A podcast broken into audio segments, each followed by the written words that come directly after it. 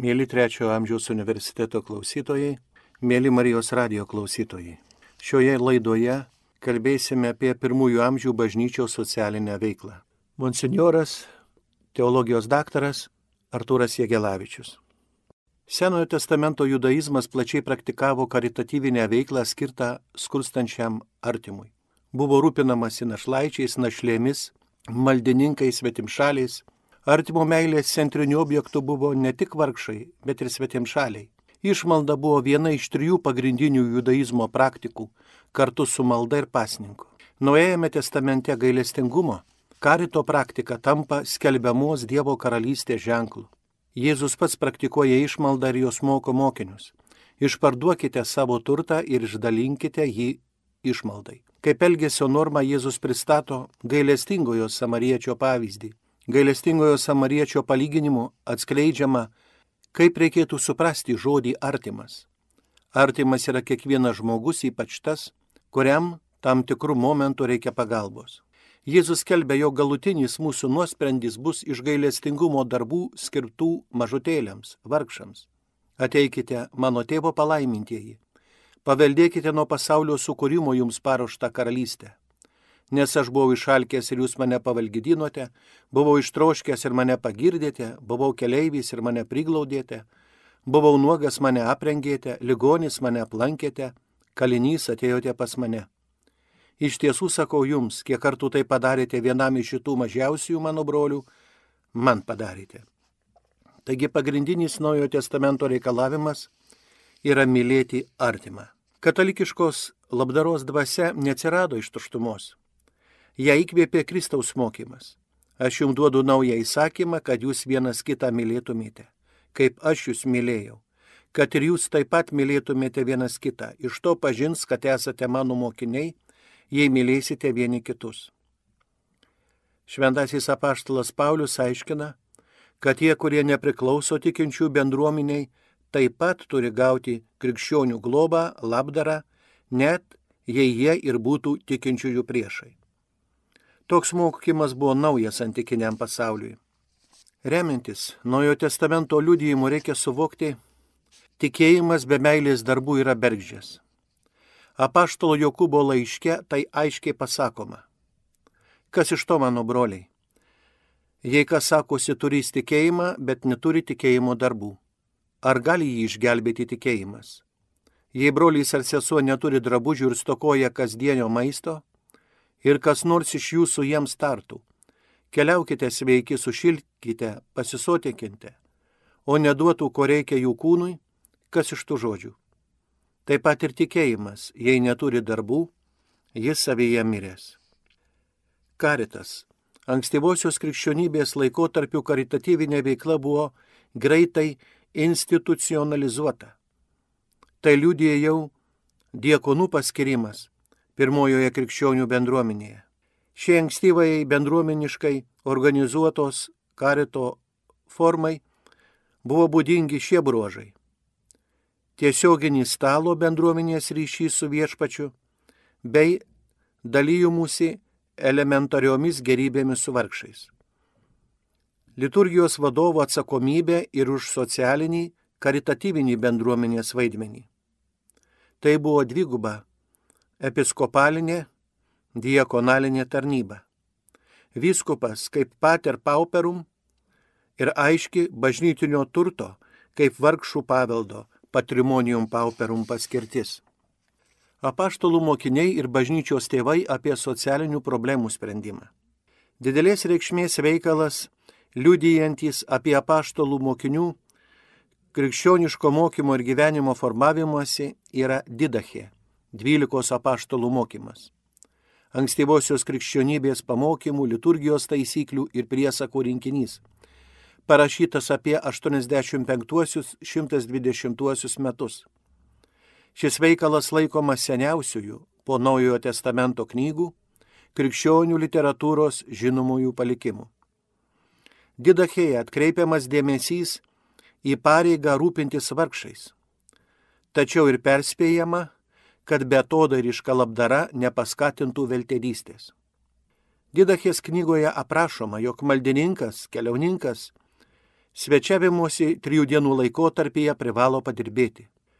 Savo turtus turtingesnieji neduodavo tiesiogiai vargšams, bet įkurdavo bažnytinius fondus arba bendras kasas, iš kurių lėšos tiesiogiai prižiūrint vyskupui būdavo išdalyjamos tokojantiems.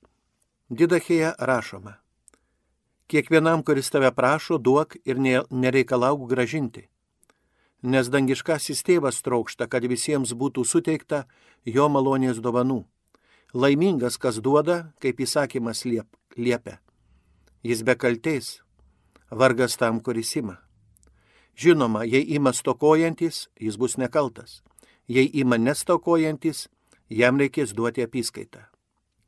Nebūk kaip tas, kuris tiesia ranką imti, bet ją slepia, kai reikia duoti.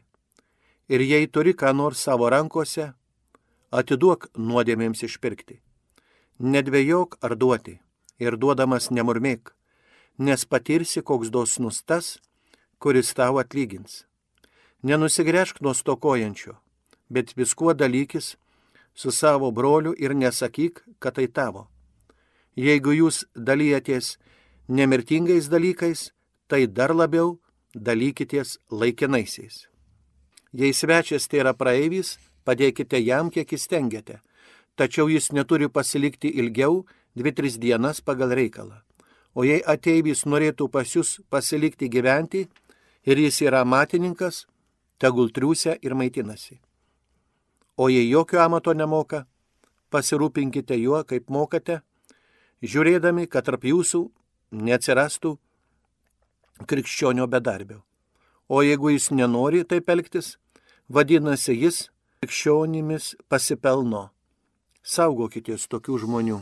Galima minėti daugybę gerų ankstyvosios bažnyčios darbų, kuriuos atliko tiek neturtingi, tiek turtuoliai. Netgi bažnyčios tėvai, kurie perdavė vakarų civilizacijai milžinišką kiekį grožinės literatūros ir mokslinių studijų, rasdavo laiko atsiduoti artimo tarnystėj. Šventasis Augustinas įkūrė prieglaudą piligrimams ir paleistiesiems už išpirką vergams, dovanodavo drabužius vargšams.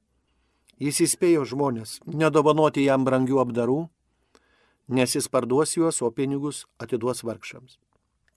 Šventasis Jonas Auksaburnis Konstantinopolyje įkūrė net kelias ligoninės. Šventasis Kiprijonas ir Šventasis Efremas maro ir bado metu organizavo pagalbą.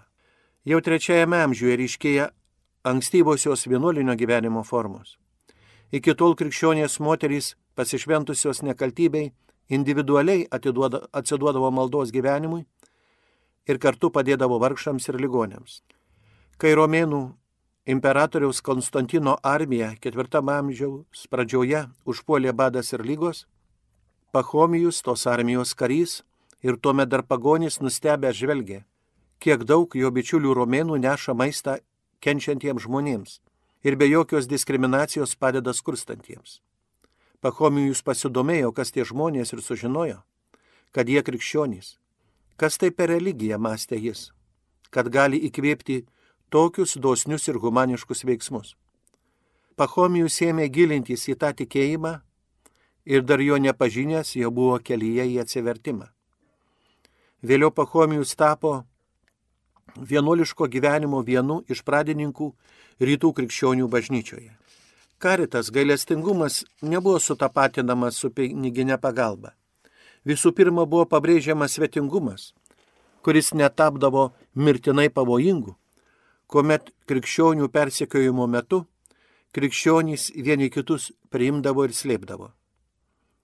Krikščionių išpalnos dalinimo entuzijazmas turėjo ir religinį aspektą. Dievo akivaizdoje tai buvo gailesčio už nuodėmės išraiška. Kita viena pirmųjų problemų buvo vergų ir jų savininkų santykiai. Ja aktyviai sprendžia paštalas Paulius.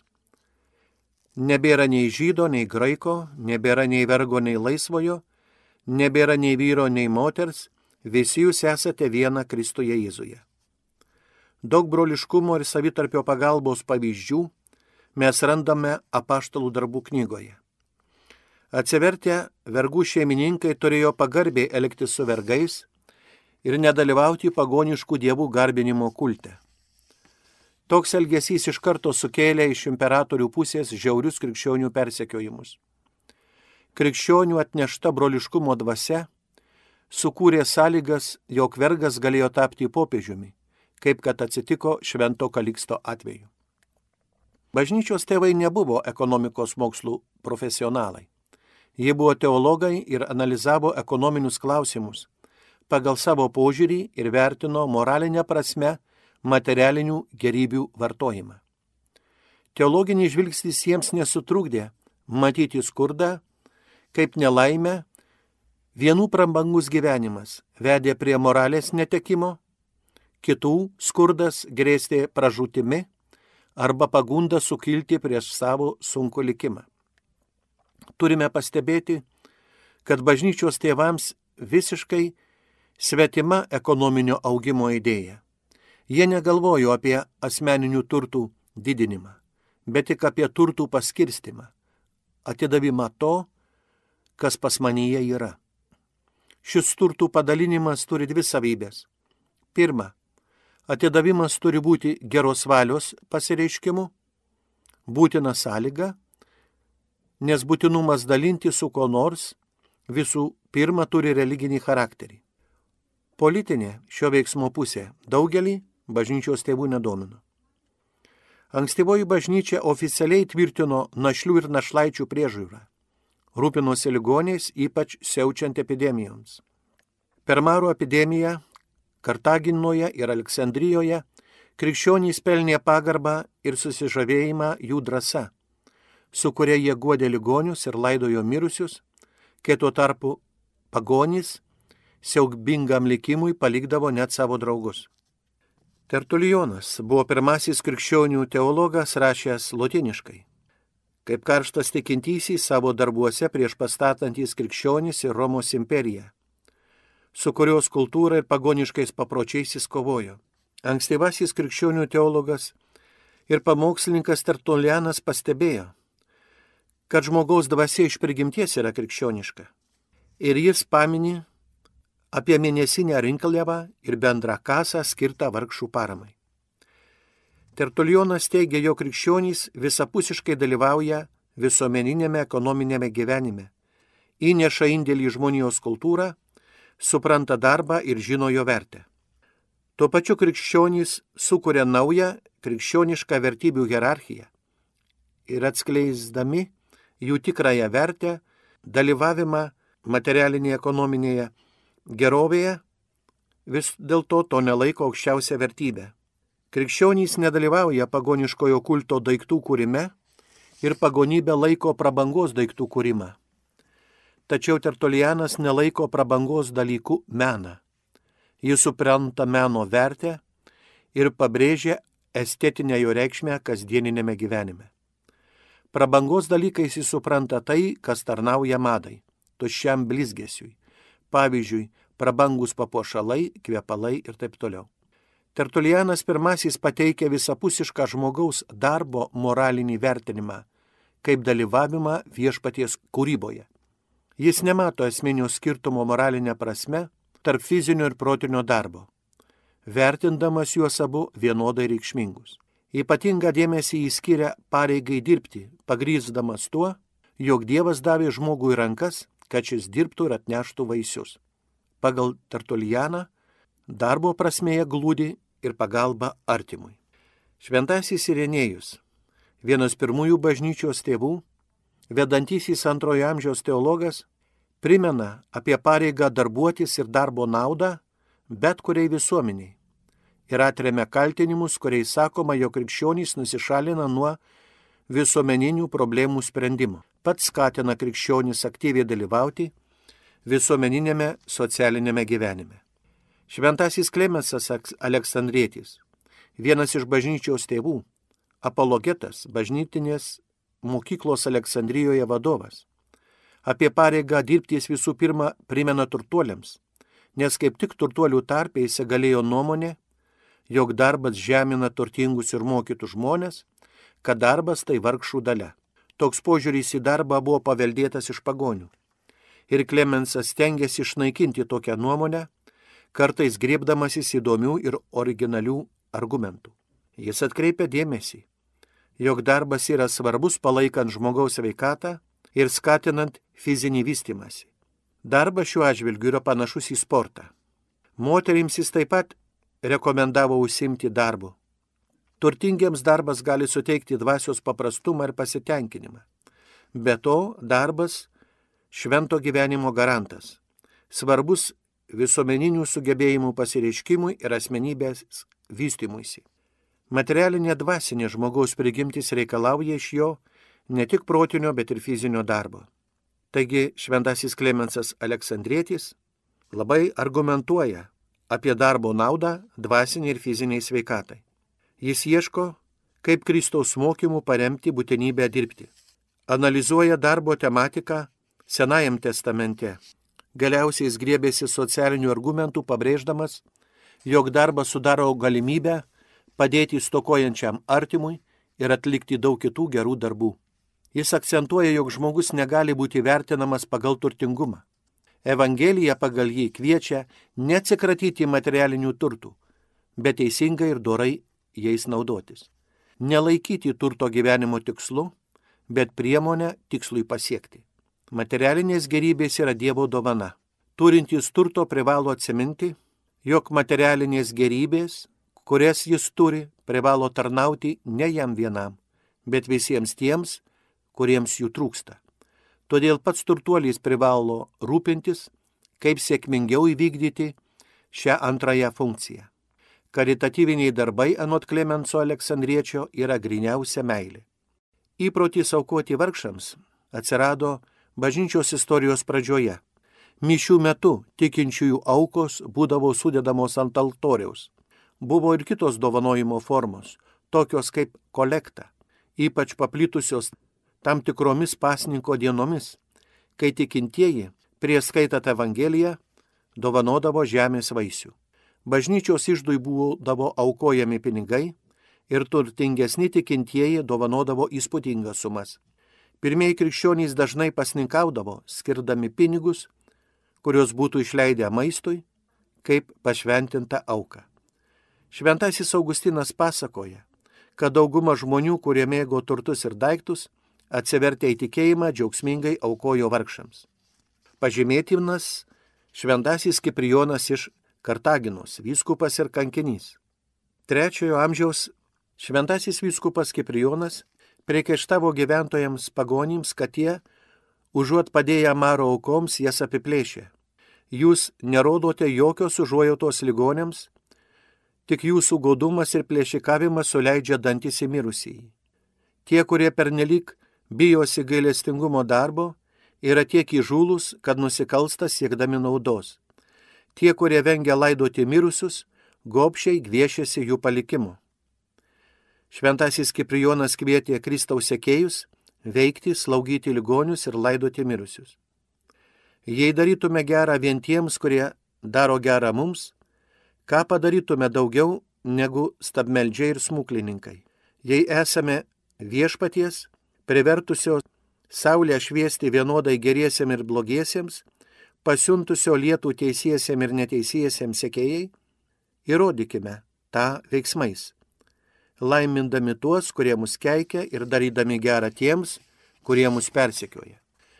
Šventasis Kiprijonas mato pavojų tiek turtų kaupime, tiek ir išlaidavime. Katedralinėje bažnyčioje jis tengiasi įvesti paprotį, gerybių perteklių atnešti prie altoriaus kaip auką. Turtingieji sudėdavo ant altoriaus savo turtų perteklių, o neturtingieji nuo altoriaus pasimdavo. Tos gerybės pereidavo per liturgijoje dalyvaujančio vyskupo, simbolizuojančio Kristų rankas.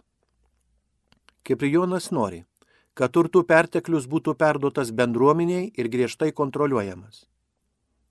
Tai jis laiko visuomenės tarpusavio sugyvenimo faktoriumi, kuomet yra rūpinamasi artimų Kristaus dvasioje. Pirmasias institucijas, kuriuose dirbo gydytojai, atliekantis diagnozes ir skiriantis vaistus, kuriuose buvo teikiama slauga, pirmoji įsteigė bažnyčia. Jau ketvirtam amžiuje bažnyčia ėmėsi plačiai remti ligoninių steigimą. Beveik kiekvienas didesnis miestas turėjo po ligoninę Iš pradžių ligoninės teikdavo prieglaudą kelioninkam, galų gale ėmė rūpintis ligoniais, našlėmis, našlaičiais ir apskritai visais skurstančiais. Viena moteris vardu Fabiola, vedama krikščioniškos atgailos, Romoje įkūrė pirmąją didelę visuomeninę ligoninę. Ji tiesiog gatvėse rasdavo visus tuos neturtingus ir sergančius žmonės, kuriems reikėjo globos. Šventasis Bazilijus didysis iš Cezarėjos. Vyskupas ir bažnyčios mokytojas. Jis teigia ligoninės vargšų namus, keliautojų prieglaudas. Šventasis Bazilijus didysis amžininkų dar vadintas išmaldos davėjų apaštalu. Ketvirtam amžiui Cezarėjoje įkūrė ligoninę. Sakoma, kad jis apkabindavo nelaimingus ropsuotosius, taip parodydamas švelnų gailestingumą tiems atstumtiesiems. Panašiais poelgiais vėliau pagarsės ir šventasis Pranciškus Asižėtis. Šventasis Bazilijus savo pamoksluose kovojo su skurdo šaknimis ir smerkė socialinį neteisingumą, primindamas, jog žmogus tik nuomoja materialinės gerybės, kurios yra Dievo nuosavybė. Tačiau jis pabrėžia, jog teisė naudotis nuosavybė yra suteikta žmogui kaip žemiškam savininkui ir aštrai smerkia neteisingą materialinių gerybių panaudojimą ir godumą. Šventasis Bazilijus laiko pareigą, kad turtuoliai teiktų neturtingiems išmaldą. Jis smerkia tuos, kurie vietoj to, kad savo pelną skirtų vargšams, naudoja jį dar didesniems turtams susikrauti, duoda paskolas, imdami didelius procentus. Šventasis smerkia tuos, kurie naudojasi vargana asmenų padėtimi, kad juos dar labiau nuskurdintų.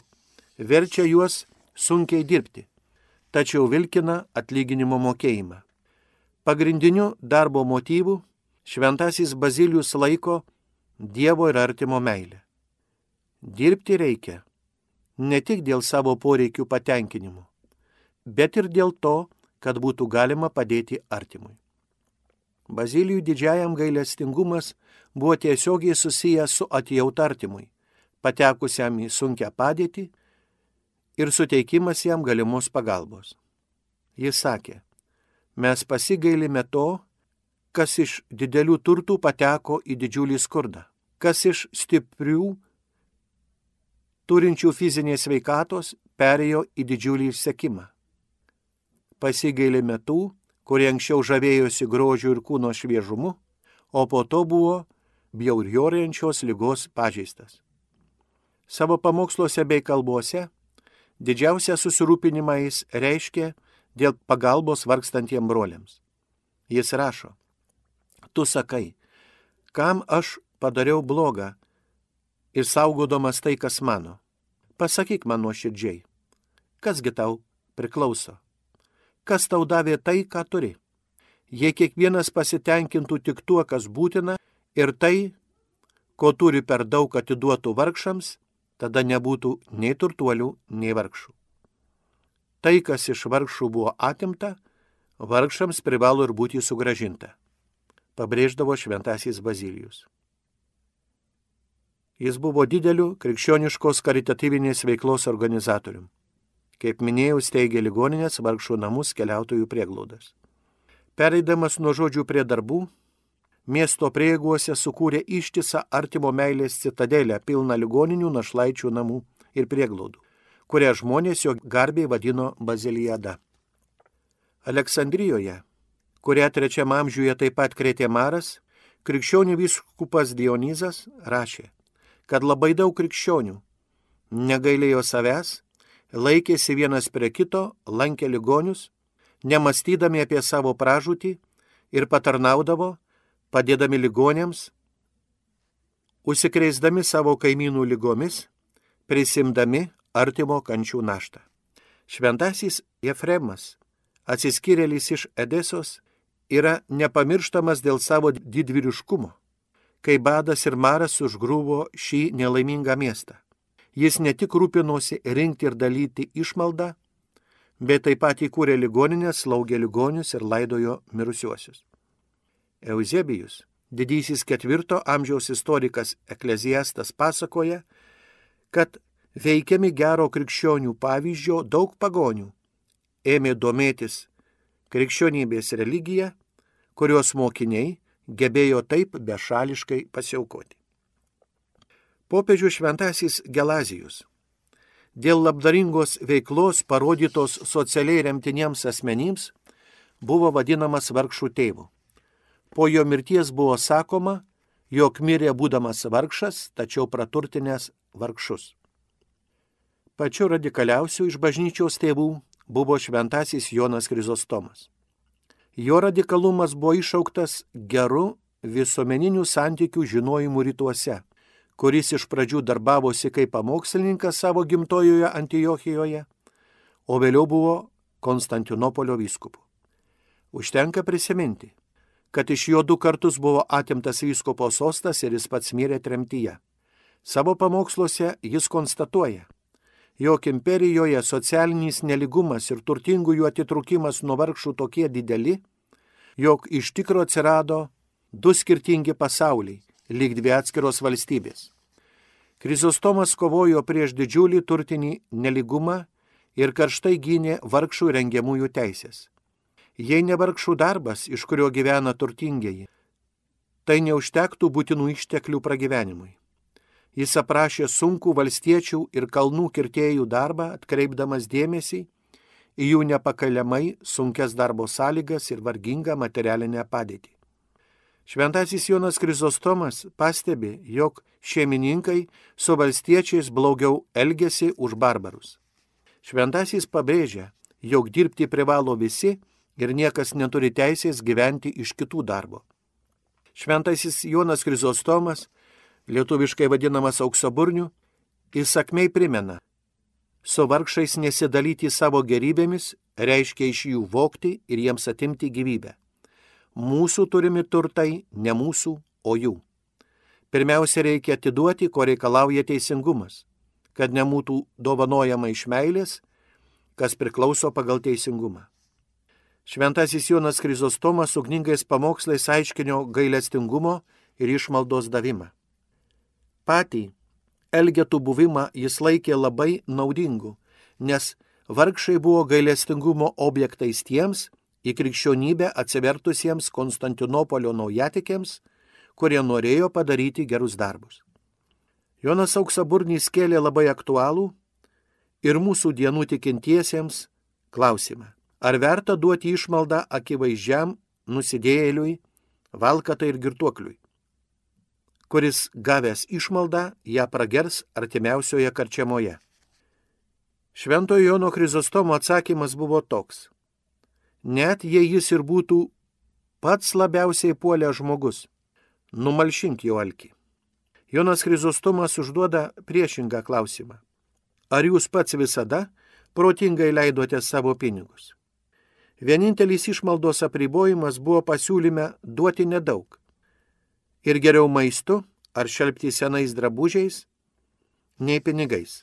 Šventasis Jonas Auksaburnys pasmerkė bandymus, duodant išmaldą, išpirkti, kabutėse, save prieš Dievą už savo nuodėmės.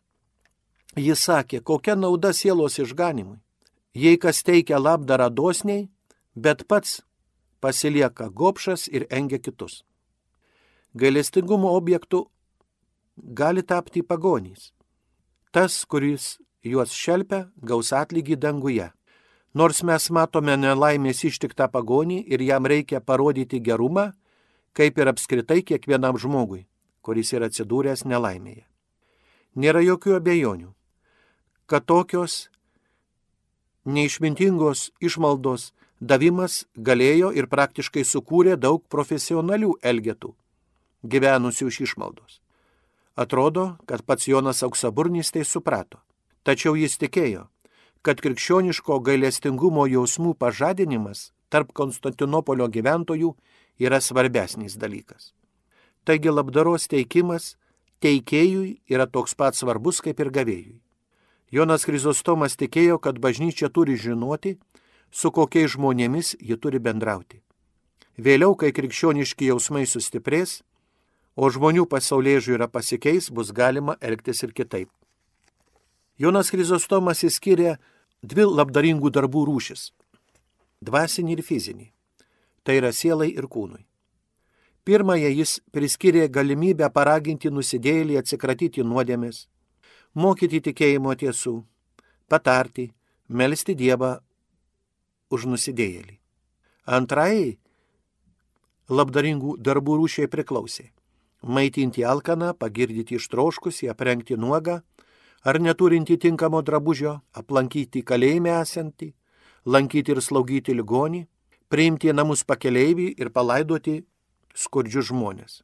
Jo pamokslų tonas didino jo priešų skaičių aukščiausiuose visuomenės sluoksnuose ir imperatoriaus dvare. Todėl kai kurie istorikai net vadino šventą Joną Krizostomą demagogų ir liaudės tribūnų, lygindami jį su broliais grachais. Šventasis Jonas Krizostomas teigia, jog Dievo gerybės yra atiduotos visiems žmonėms ir visi turi teisę jomis naudotis.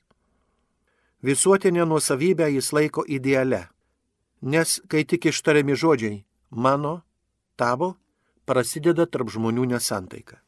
Tačiau jis buvo realistas ir gerai suprato, jog neįmanoma įgyvendinti šių idealų. Jis neginčia ir netmeta teisės turėti savo privačią nuosavybę. Su didelė meilė jis skatina vergvaldžius elgti su savo vergais, rūpinantis jų fizinę ir dvasinę gerovę. Jis ragino vergvaldžius, kad šie apmokytų vergus amato ir po to paleistų į laisvę. Toks pasiūlymas buvo racionaliu, krikščionišku vergų problemų sprendimu, išvengiant socialinių sukretimų, kad būtų galima vergą padaryti pilnaverčių visuomenės nariu. Tačiau tokios programos įgyvendinimas reikalavo iš turtingų žmonių gilių krikščioniškų įsitikinimų. Šiek tiek švelnesnė padėtis buvo vakarinėje imperijos dalyje. Tačiau ir čia šventasis Ambrozėjus ir šventasis Jeronimas kovojo prieš per didelį turtų kaupimą ir piknaudžiavimą jais ar įsigijimą turtų nesažiningais keliais. Anot šventojo Jeronimo, turtai kyla iš neteisingumo. Turtuolis arba pats yra nesažiningas, arba yra nesažiningo asmens įpėdinis. Čia paminėtini du popiežiai. Popiežius Simachus, lietuviškai Simonas, miręs 514, išpirkdavo tiek kalinius suteikdamas jiems materialinę paramą, tiek visus vergus suteikdamas jiems trokštamą laisvę. Popiežius Šventasis Paulius I buvo romus ir gailestingas. Naktimis lankydavo sergančiųjų vargšų namus, suteikdamas jiems maisto paramą. Parodė didelį geronoriškumą kaliniams asmeniškai lankydavo juos kalėjimuose, išlaisvindavo kalinius, kurie buvo įkalinti už skolas, paremdavo jų šeimas. Tad senovės pasaulyje, kuriame kūrėsi krikščionių bažnyčia, egzistavo trys problematiški faktoriai tarp turto ir skurdo. Neproporcingas nuosavybės ir turtų pasidalymas. Todėl tik tas, kas turėjo galę, galėjo turėti turtų ypač turtingas, nežinantis ribų išlaidus gyvenimo būdas. Ir trūkumas arba nepakankamumas valstybinių struktūrų besirūpinančių socialiai silpnais gyventojais. Nuo imperinės bažnyčios laikotarpio vargšai buvo laikomi tokia asmenų kategorija, kuriais bažnyčios sukauptomis lėšomis rūpinosi viskupai. Trūkstant imperijoje viešų, socialinės paslaugas teikiančių struktūrų, juos ėmė merdėti Tuo metu bažnyčia išplito tiek miestuose, tiek kaimuose. Ji ėmė pakeisti valstybės socialinę veiklą ten, kur valstybei nepavykdavo palaikyti socialinį teisingumą. Pakitus bažnyčios padėčiai imperijoje, bažnyčia tapo oficialiuoju valstybės pagėdaujamos bei skatinamos socialinės pagalbos subjektų. Tuo metu ji turėjo labai geras galimybės plėtoti savoją pagalbos veiklą. Tačiau kita vertus įgyjo privilegijų ir vis dažniau gindavo turtingųjų interesus. Su tuo sėjosi ir laipsniškas atsakomybės už karitas perkelimas nuo bendruomenės vyskupui. Tad vyskupai stengdavosi, steigdavo tokias socialinės įstaigas kaip nakvynės namai bei prieglaudos pakeleiviams, ligonėms ir vargšams. Svečių namai ir ligoninės buvo steigiami tiek vyskupų, tiek privačia turtingesnių gyventojų iniciatyva. Kaip girdėjom, bažnyčios tėvai pastoviai mokė, jog ekonominiai resursai privalo tarnauti visiems, bet netapti mažos dalies gyventojų gerbuvių. Neturtingasis turi teisę turėti tai, kas reikalinga jo pragyvenimui. Turtingasis gali naudoti savo turtais, bet nepiknaudoti jais. Nuo spontaniško gailestingumo į organizuotą patarnavimą. Nuo šešto amžiaus remiantis bažnyčios susirinkimų nutarimais, palaikant ir padedant civiliniams įstatymams, pradedamas teikti asignacijas grinai vargšų palaikymui. Romoje, pavyzdžiui, ėmė kurtis karitatyviniai centrai vadinami diakonijomis, kurie funkcionavo senuose maisto teikimo namuose. Juose buvo aptarnaujama iki dešimties tūkstančių neturtingųjų. Aštuntam amžiuje vien Romoje egzistavo 18 tokių centrų, kuriuos prižiūrėjo bažnyčia. Tie, kuriems reikėjo pagalbos, buvo surašomi į sąrašą, kuris vadinosi matrikolė ir gaudavo nustatytomis savaitės dienomis paramą arba natūrą arba pinigais. Matrikolė siekė humanitarinio tikslo betarpiškai padedant stokojantiems. Tai kartu atsirado labai vertingas socialinis tikslas - priskirti vargšus prie savitarpio pagalbos vietovių, tuo sutrukdant jiems klajoti ir įtraukiant vargšus į visuomenę, siekiant jiems pastoviai suteikti gyvenamą vietą ir darbą.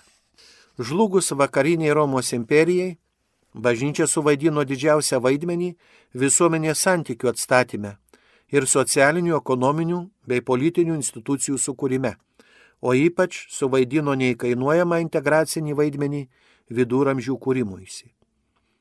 Jis suteikė Europai kūrinčiai savo civilizaciją ir kultūrą ištisą vertybių sistemą, suteikiančią galimybę susikalbėti, suprasti vieni kitus. To dėka Europa galėjo kalbėti bendra ir artima visiems kalba. Kalba eina ne tik apie lingvistinį lotynų kalbos naudojimą, bet visų pirma apie bendrų krikščioniškų vertybių ir sampratų kalbą, ko pagrindu galėjo atsirasti, nežiūrint visų skirtumų, naujas Europos veidas ir naujos žmonių ir sociumų bendravimo formos. Pasibaigus krikščionybės persekiojimams, pamažu išnyko ir kankinystės idealas kaip krikščioniškojo gyvenimo viršūnė. Į krikščioniškąją visuomenę ėmė skverbtis kitokio heroizmo troškimas. Kaip gyventi tobulesnį krikščionišką į gyvenimą, atsiskiriant nuo pasaulio ir išeinant gyventi į tyrus. Imta atsisakyti savo turto ir pasirenkamas neturtas kaip nauja vertybė ir naujas gyvenimo būdas. Tokios idėjos gimė ketvirtame amžiuje. Pirmieji vienuoliškoji judėjimai vystėsi rytuose dėka šventųjų Pachomijaus ir Bazilijaus, vakaruose Švento Benedikto įtakoje. Pagal vienuolynų įkūrėjų parašytas regulas, tie, kurie pajunta įkvėpimą gyventi evangeliniais patarimais, neturtas tampa savanoriškai pasirinktų gyvenimo stiliumi ir asketinę normą. Šventasis Benediktas, popiežiaus Jono Paulius antrojo paskelbtas Europos globėjų, buvo vienuoliškojo gyvenimo pradininkas vakarų bažnyčioje. Jo įkurti įstatai remiasi puikiu žmogiškosios prigimties, žmonių tarpusavio poveikių, principų ir socialinių pagrindų žinojimu. Įstatai tapo įvairių Benediktinų vienuolynų konstitucijų pagrindu ir dėka Švento Benedikto sukurto principo ora et labora, melskis ir dirbk, Benediktinų ordinas ir kiti vienuolynai kilę iš jo suvaidino didelę reikšmę, kuriant krikščioniškąją kultūrą ir net bendrai visos Europos kultūros pagrindus. Švento Benedikto įkurti vienuoliai, kurių ordino regulą 529 metais parašė Šventasis Benediktas Nursėtis, ragino vienuolius dalyti išmaldą ir būti vaišingus. Pasak regulos, visus atvykusius svečius reikia priimti kaip patį Kristų. Vienuolynai tarnavo kaip nemokami užėgos namai, teikiantys saugę ramę pastogę svetim šaliams, kelioninkams, piligrimams ir vargšams. Čia vyravo dirbančio prieglopsti ramybę įvairiems klajūnams teikiančio Kristaus dvasia. Kai kuriais atvejais buvo žinoma, kad vienuoliai stengdavosi rasti vargšelius, kuriems pasiklydusiems ar vienišams sutemus skubiai reikėdavo prieglaudos. Nors švento Benedikto reguloje tinkamai pabrėžta sergančių vienuolių slaugos svarba, nėra įrodymų, kad vakarų vienuolinės tradicijos tėvas įsivaizdavo, kad vienuolynas imtųsi užduoties slaugyti ir gydyti pasauliečius. Tačiau, kaip nutiko su dauguma dalykų, kurių ėmėsi vienuolynai, aplinkybės stipriai pakoregavo vienuolino vaidmenį ir lūkesčius. Nes įstatų pagrinduose yra ne tik dvasinių vertybių prioritetas, bet ir didelis žmogaus darbo ir jo dėka kuriamos kultūros tiek materialinės, tiek dvasinės supratimas. Lomiškoje viduramžių Europos struktūroje vienuoliškieji ordinai, kurie vėliau reformavosi ir augo skaičiumi, sukūrė ypatingą luomą. Šis vienuolių luomas suvaidino didelę rolę ne tik socialiniam, kultūriniam, bet ir ekonominiam gyvenime, nežiūrint religinės ir pastoracinės reikšmės. Vienuolynai šalia religinės vykdė didžiulę švietėjišką ir karitatyvinę veiklą. Savo egzistavimu ir veikla jie priminė visiems apie evangelinę vertybių hierarchiją ir praktinę jų reikšmę. Viduramžiais vis labiau bažnyčios karitatyvinę veiklą perėmė vienuolynai. Nenuostabu, kad vienuolynai prisidėjo padėdami prižiūrėti ligonius. Apie ligoninių atsiradimą vienoje studijoje rašoma. Žlugus Romos imperijai, vienuolynai pamažu pradėjo teikti organizuotą medicininę pagalbą, kurios Europoje dar keletą amžių niekas kitas neteikė. Turint galvoje vienuolynų struktūrą ir vietą, šios institucijos buvo tikros tvarkos, pamaldumo ir stabilumo oazės, kuriuose buvo sąlygos pasveikti. Penktam dešimtam amžiui vadinamuoju vienuolynų medicinos laikotarpiu, globodami ligonius, vienuolynai kartu tapo savotiškomis medicinos mokyklomis. Devintam amžiuje, karolingų renesanso laikais, vienuolynai iškilo kaip pagrindiniai medicinos studijų centrai, kuriuose buvo perrašomos ir išsaugotos antikinių medicinos tekstų saugyklos. Reikėtų daugybės tomų, norint užrašyti katalikų labdaros istoriją, darbą, kurį atliko pavieniai asmenys, parapijos, diecezijos, vienuolynai, misijos, vienuoliai ir vienuolės ir pasaulietinės organizacijos. Pakanka pasakyti, kad niekas neprilyksta krikščioniškai labdarai pagal jos atliktus įvairius gerumo darbus ir pagal tai, kiek kančių ir nelaimių buvo palengvinta. Eikime toliau. Tokią labdarą, kokią mes vakariečiai žinome, sugalvojo katalikų bažnyčia. Antikinio pasaulio dosnumo dvasia, palyginant su bažnyčios labdara, buvo nepakankama. Principas, kad skurstantiems reikia padėti ir jais pasirūpinti, nemastant apie atlyginimą ar naudą, tikrai nebuvo žinomos antikos laikų pasaulyje. Tai buvo laida skirta Trečiojo amžiaus universiteto klausytojams ir Marijos radio klausytojams laidą vedė monsinjoras, teologijos daktaras Artūras Jėgelavičius.